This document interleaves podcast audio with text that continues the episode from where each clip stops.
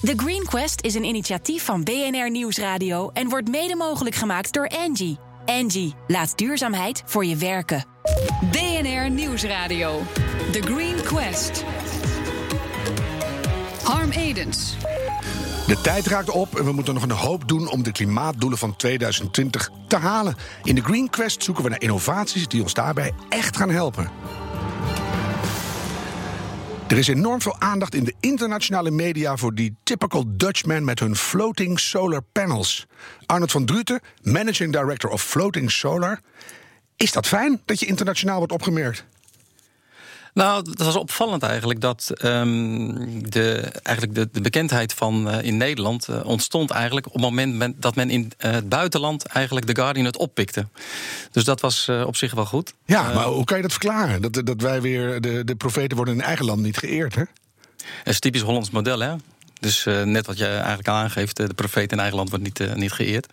Uh, maar je ziet nu wel dat er een enorme stoomversnelling ont, ontstaat. En mm -hmm. Je ziet ook ontwikkelingen in, in België dat men ook zonvolgend gaat ondersteunen. Nou, hoe kwam dat dat die Guardian jullie wist te vinden? Ja, dat zou je even aan de Guardian moeten vragen. Heb je niet meteen even gemaild, gegoogeld, iets van hoe, hoe, hoe kennen jullie ons? Nee, ik denk dat het gewoon opgepikt is uit de, uit de lokale pers. Want uh, de aanleiding was natuurlijk uh, Andijk. Uh, waar het provinciale waterbedrijf Noord-Holland, laten we zeggen, ons de, een, gegund heeft om daar 23 megawatt piek neer te leggen. Ja, daar gaan we uitgebreid over. Precies. Gaan we induiken dat zelfs. Is dat is opgepikt. Dat zagen ze en toen, toen doken ze erop. Ja. ja. Jullie onderneming bestaat uit een bijzondere samensmelting van twee bedrijven. De ene is sterk in zonnepanelen en de ander, hoe kom je erop, in nautische systemen. Ja. Hoe hebben jullie elkaar gevonden? En wie begreep met name als eerste dat één en één samen dobberen zou worden? Nou, dat is heel leuk, want dat is uh, eigenlijk een, een uh, gepensioneerde ingenieur, Ton Jordensen. Die uh, werd gevraagd door het, Nationaal Consortium Zon op Water. Dat is een, een consortium van 30 bedrijven. Mm -hmm. Waarbij de overheid, de RWO zit erin, economische zaken, maar ook een aantal waterbedrijven.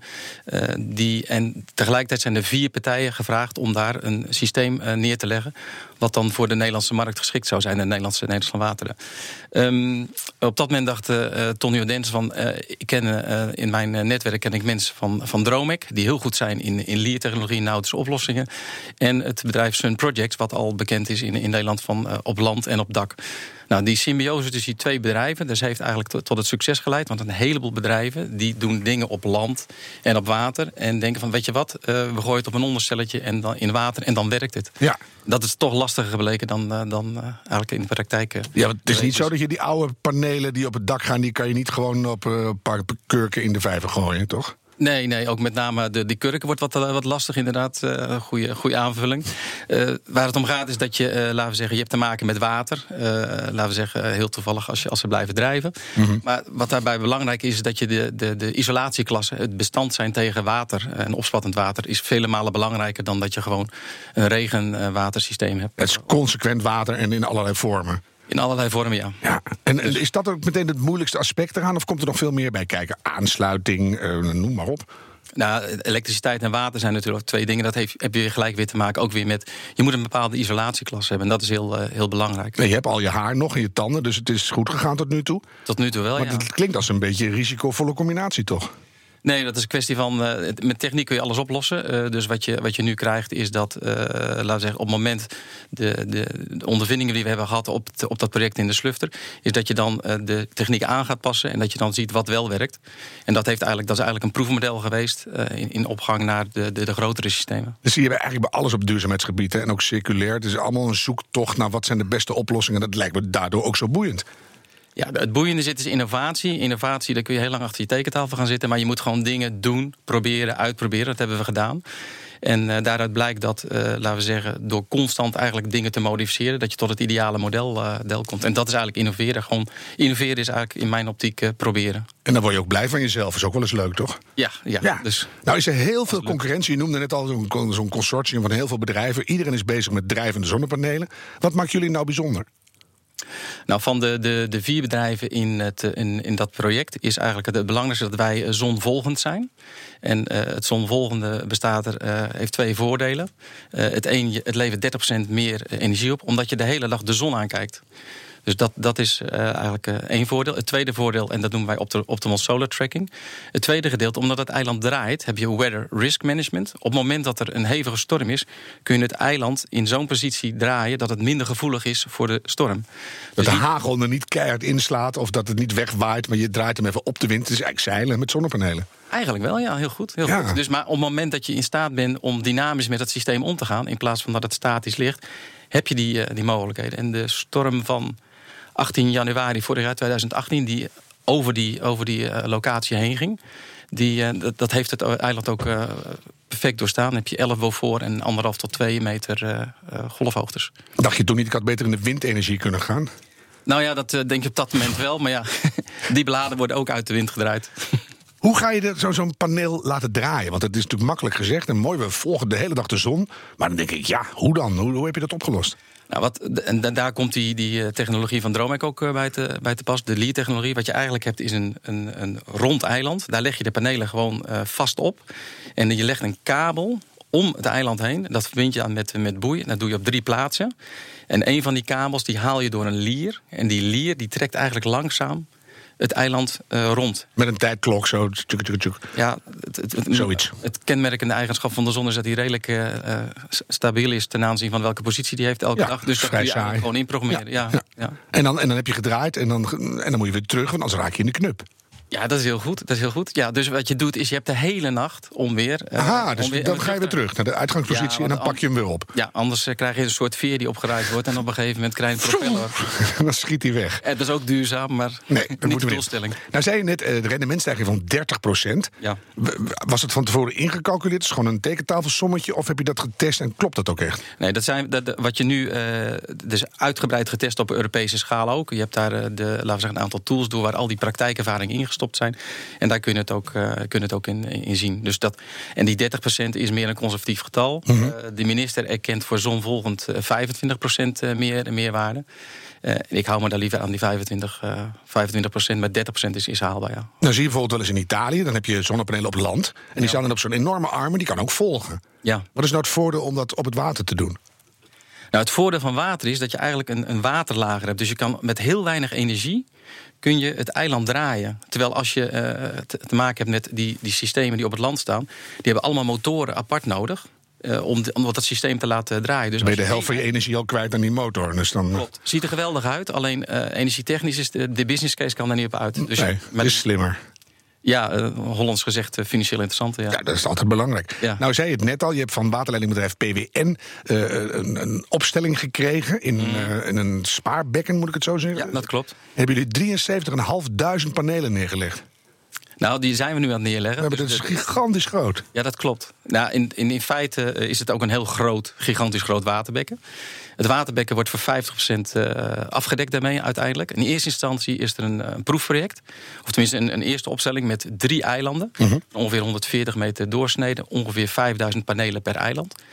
Uh, en in de, als dat uh, gekeken, er wordt er gekeken wat is de waterkwaliteit, wat zijn de invloeden daarvan, uh, dat soort zaken. En dan wordt er een doorstart gemaakt naar 15 eilanden. Ja, en dan zit je aan de 73.500. Ja. Was dat zo dat ze bij PWN ineens last hadden van een echte toekomstvisie? Of moesten jullie ze echt over de streep trekken? Nee, nee, nee. Het is, het is, PWN heeft de visie dat ze energie-neutraal willen zijn. En die, dit was de manier, omdat zij de locatie ook hebben, om dat op deze manier te doen. De, de, de opwek staat gelijk met 10.000 huishoudens. Ja. Maar PWN zal dat voor het grootste gedeelte eigenlijk voor zichzelf gebruiken, omdat het een intensieve, energie-intensieve industrie is natuurlijk. En als het conservatief berekend is, misschien wel voor 13.000 huishoudens.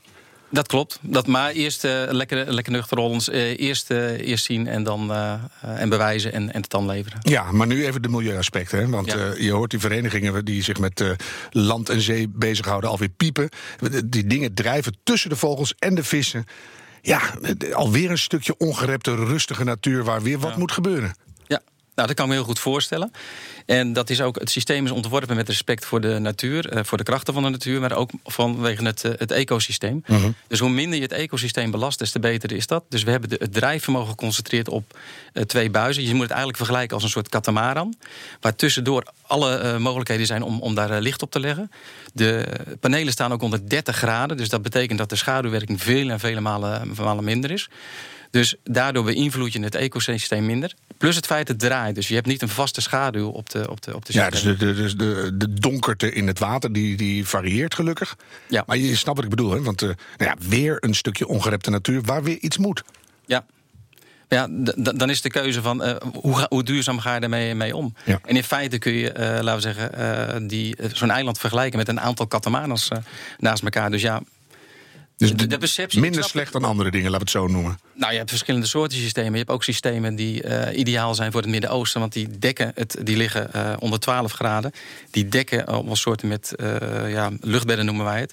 Eh, een soort luchtbed ligt dat op het water. Dat ligt heel stabiel en die dekt het water af. En dat is voor het Midden-Oosten perfect. Heb je minder waterverdamping. Maar daaronder is het één grote zwarte massa. En dat moeten we hier niet hebben. Nou, in, in eh, laten we zeggen, in eh, Noordwest-Europa is dat niet het eh, favoriete model. Inderdaad, dat klopt. Nou heeft The Guardian je opgepikt en België die snuffelt al een beetje. Gaat nu de hele wereld mee?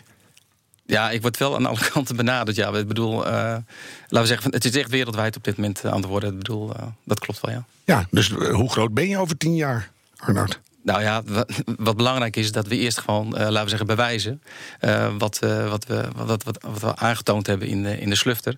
En vanaf dat moment eerst in Nederland doen. En de persoonlijke missie is eigenlijk dat we nu in Nederland iets met twee Hollandse eh, innovatieve familiebedrijven iets gemaakt hebben. En dat we dat niet weer gaan verkopen aan de, aan, laten we zeggen, aan, aan, aan de andere partij uit het buitenland. Dutch engineers en geen Chinese engineers. Nou, dat wil ik niet zeggen. het is maar, een beetje nationalistisch, maar op dit moment wel Ja. lekker, toch? Ja, maar dat geeft een enorme drijf om in ieder geval dat trotse gevoel op ons, eh, wat we lokaal kunnen, om dat eh, eruit te dragen. Dus we gaan het eerst goed in Nederland doen en dan gaan we het, eh, dan gaan we het uitdragen. Dat is de missie van ons bedrijf. Dan ga je kritisch volgen. Dankjewel, Arnold van Druten, Managing Director van Floating Solar. Bij Santas maken ze koffie en dan is er helemaal geen afval. Hoe dat zit hoor je zo meteen in deel 2 van de Green Quest. Tot zo. BNR Nieuwsradio. The Green Quest. Welkom bij deel 2. Elke week kiest ons Green Team uit alle aanmeldingen een bedrijf dat volgens hen een echte positieve impact maakt. En in juli kiezen zij de winnaar van de Green Quest Award. Zo klinkt de nieuwste innovatie in onze Green Gallery. Hoi, wat mag het zijn? Ik zei, nou, ik zei, doe, maar een, eh, doe maar een zwarte koffie, eh, alsjeblieft. Al die koffieverpakkingen, dat is allemaal kunststof en plastic met metalen erin, die continu worden weggegooid. Dat kan je ook anders doen. Zwarte koffie, extra sterk. En ik, oude koffie. En ik, aan het werk. En ik, bemoei me niet met jullie, zoek het in mezelf. En ik, soms droom ik weg, En ik. meestal ben ik scherp. Recycle blik. Koffie, koffie, lekker bakken koffie. Ja, Rita Corita. Die is ondertussen ook alweer helemaal gerecycled. Ehm, Wouter Jansen van Velzen, directeur-eigenaar van Coffee Mac Santas. Meteen maar even het, het, het kader schetsen. Hoe vies is de traditionele koffiebranche eigenlijk? Nou, hoe vies wil ik het niet noemen, maar... eh, Ik wel. Hoe het- vies dat is het- die beter Kan, eh, dat mogen duidelijk zijn. Eh, wij produceren best een hoop afval als, als koffiebranders bij elkaar. Mhm. En eh, wij hebben natuurlijk een oplossing gevonden... om dat eh, inderdaad met zo min mogelijk afval te doen. Maar wat voor viezigheid praten we over? De verpakkingen natuurlijk. Ja, met name, je hebt het over, over eh, omdozen, je hebt het over folieverpakkingen waar de koffie in verpakt wordt. Dat Mhm. heeft natuurlijk ook wel een reden dat daarin zit, want daarbij blijft het ook vers. Ja. Dus we hebben ook wel iets nodig om het in in te verpakken.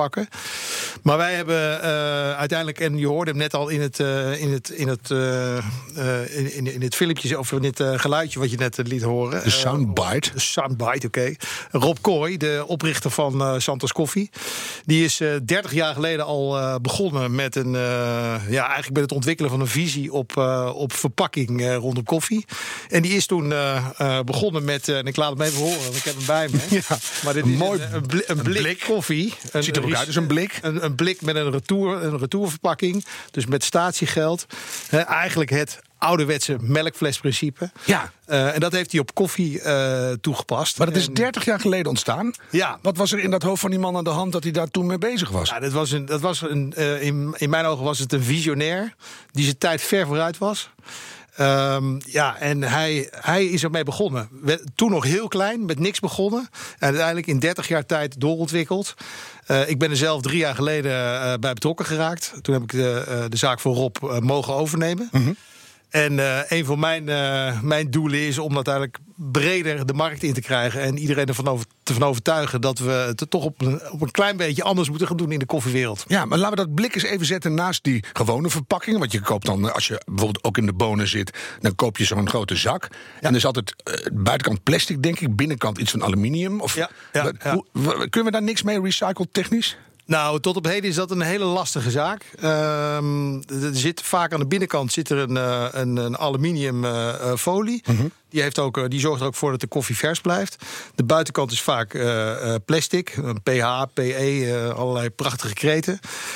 Het blijkt heel moeilijk te zijn om, om dat goed te recyclen. En als je dat vergelijkt met zo'n blik, krijgen. blijft, blijft de koffie in dat blik net zo lekker? De koffie blijft in dat blik net zo lekker. Eh, we zorgen ervoor dat er geen lucht bij kan komen. Dat is heel erg belangrijk dat, eh, voor de versheid van de koffie. Mhm. En uiteindelijk kunnen we met één zo'n blik... en ik heb hier één zo'n blik bij me. Ik heb meer blikken bij je. Wacht ja, dan even. hoor je hem al een beetje. Grote melkbus dit is te groot, hier zit drie kilo koffie in. Ja. Zo'n blik gaat 120 keer heen en weer. Tussen de branderij en tussen de, eh, tussen de klant. Door dat statiegeldsysteem. Door het statiegeldsysteem. En dan is hij een beetje lek en dan moet je hem weer nieuw maken. Nou, dan is die zo beschadigd dat het uiteindelijk eh, ook niet meer verantwoord is om dat te doen. En dan gaan we hem, eh, dan gaan we hem eigenlijk weer eh, recyclen. Dan Ja. gaan we er weer een nieuw blik van maken. Ja, dat kan dan ook weer gewoon. En als je dit blik dus in die 100, in de levensduur van 120 keer heen en weer, eh, dan bespaar je dus ongelooflijk veel eh, plastic verpakkingen. Dat is nogal een ruim begrip, hè? dozen. ongelooflijk veel. Ja, Als je nou kijkt naar, dat- naar dat hele systeem hè, van, die, van die koffie in Nederland. Hoeveel van die eh, koffieverpakkingen afval voorkomen jullie nu?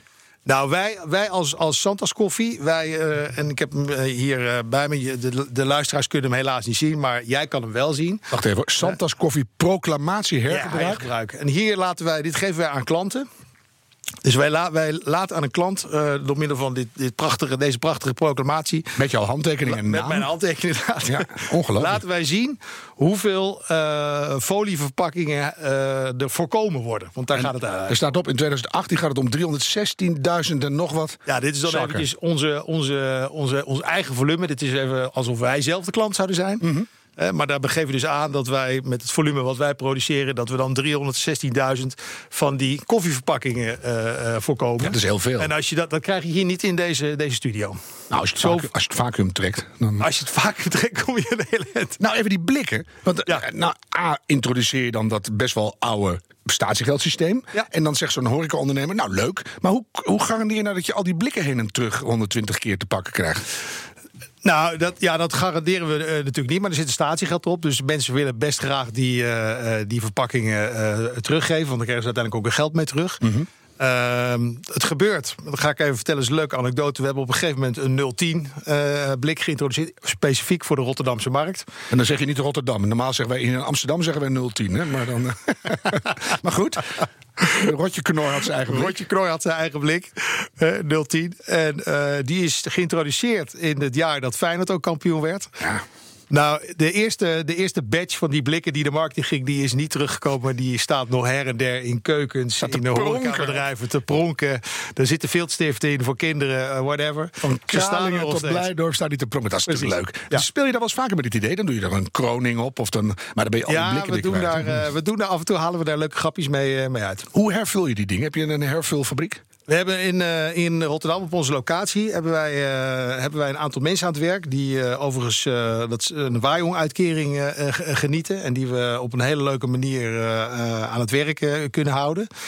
Die zorgen ervoor dat die blikken eh, gereinigd worden. Dat ze hersteld worden waar nodig is. Eventueel eh, deukjes eruit gehaald worden, dat soort dingen.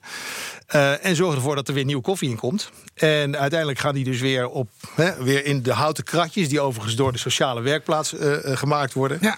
Daar gaan dan weer twee blikken in. Heeft hij ook bij zich. Kilo. Ja. En dan gaat het weer, weer richting, richting de klant. Mooi. Nou, dit en dan ruilen we het eigenlijk om. Hè, want anders dan, alleen rijden voor lege blikken, dat doen we niet. Nee, dat, dat is helemaal niet duurzaam. Nou, dit, dit systeem loopt. Ik kan me voorstellen, als je dan daar zo diep in zit... dat je eigenlijk alles in je bedrijfsvoering gaat meenemen. Wat is hier nagekomen? Nou ja, er is, er is nog meer gekomen. Want uiteindelijk, wij leveren een totaalconcept. Dus het gaat, het gaat niet alleen maar over, over koffie. Die natuurlijk eh, lekker moet zijn in eerste instantie. Maar het gaat, zeker als je het over horeca hebt... gaat het ook over suikerzakjes, over koekjes en al dat soort dingen. En uh, we hebben vorig jaar ook bijvoorbeeld onze complete koeklijn in, uh, in blikken uh, geïntroduceerd. Kijk, hetzelfde principe, statiegeld. Jullie zijn echt goed in blikken. Ja, wij zijn eigenlijk goed, ja, wij zijn goed in blikken, dat klopt, ja. Elke week stelt een lid van het Green Team een vraag. En deze week komt de vraag van een redacteur en jurybegeleider, Julia Konemans. Een groot probleem van onze koffiecultuur is natuurlijk de achterloosheid waarmee we koffiebekers gebruiken en ook weggooien. Ik las dat er in de wereld jaarlijks 16 miljard van die cups worden weggesmeten. Hebben jullie daar ook een oplossing voor? Ja, wat doen we met die lege koffiebekers? Ja, lege koffiebekers is, is, is natuurlijk een probleem. Want het is uh, zwerfafval, het verdwijnt overal nergens. Uh, er zijn heel veel uh, oplossingen ten aanzien van de koffiebekers. Biologisch afbreekbaar, ehm, papier. maar ga je dat gesprek aan met de horeca-ondernemer? Dan kom je zo'n blik brengen en zeg je... ben je ook geïnteresseerd in afbreekbare koffiekopjes? Want dat is wel handig. Nou, wat, wij, wat wij nu doen, we hebben nu bekers geïntroduceerd... die in, het, in, in de productie al duurzaam zijn. Want wij, wij maken gebruik van bekers die geproduceerd worden... door een restafval van rietsuiker. Kijk. En, en, is men daar ontvankelijk voor? Daar is men ontvankelijk voor. Ondanks het feit dat die dingetjes wel wat duurder zijn dan de reguliere bekers. Maakt niet uit. Maar goed, als je een beetje duurzaam zijn, dan kost het vaak ook wat. Ja, maar dat wordt op de duur toch weer goedkoper, schijnt. Zeker, zeker. Nou ben je dit allemaal op orde aan het brengen, dat loopt. Nou kan ik me voorstellen dat jullie denken... die hele koffieketen tot en met de producenten aan toe... de boeren in de producerende landen, dat moet duurzaam. A la Tony Chocoloni. Ja.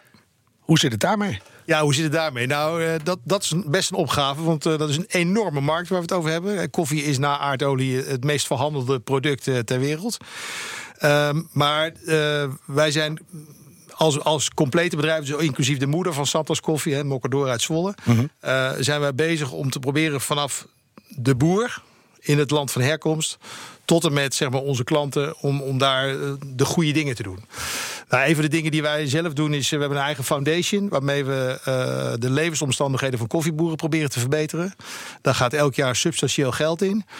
Um, en daarmee proberen we uh, uiteindelijk de, de kwaliteit van de levensomstandigheden te verbeteren. Maar daarmee ook de kwaliteit van de koffie die wij uiteindelijk weer bij hun kopen. Want ook al verandert er niks aan de boon, als je in het land van herkomst iets goeds doet, dan proef je dat toch, hè? Nou ja, dat is uh, uit, natuurlijk. Dat is een beetje. is, ik wel. Ja, jij wel. Ja, heel goed. ja, maar het is heel belangrijk, want wij moeten ervoor zorgen dat we uiteindelijk voldoende koffie blijven krijgen. En voor in ons geval ook voldoende kwaliteitskoffie. En op het moment dat wij niet ervoor gaan zorgen dat, uh, dat de koffieboer uh, kan leven, om maar even zo te zeggen, mm. dan, dan, dan, gaat dat, dan gaat daar ten koste van. Heb je het gevoel dat zo'n zo'n oud idee, mag ik het noemen, van 30 jaar geleden, wat toen eigenlijk zonderling was, dat het nu ineens keihard voor je gaat werken? Absoluut.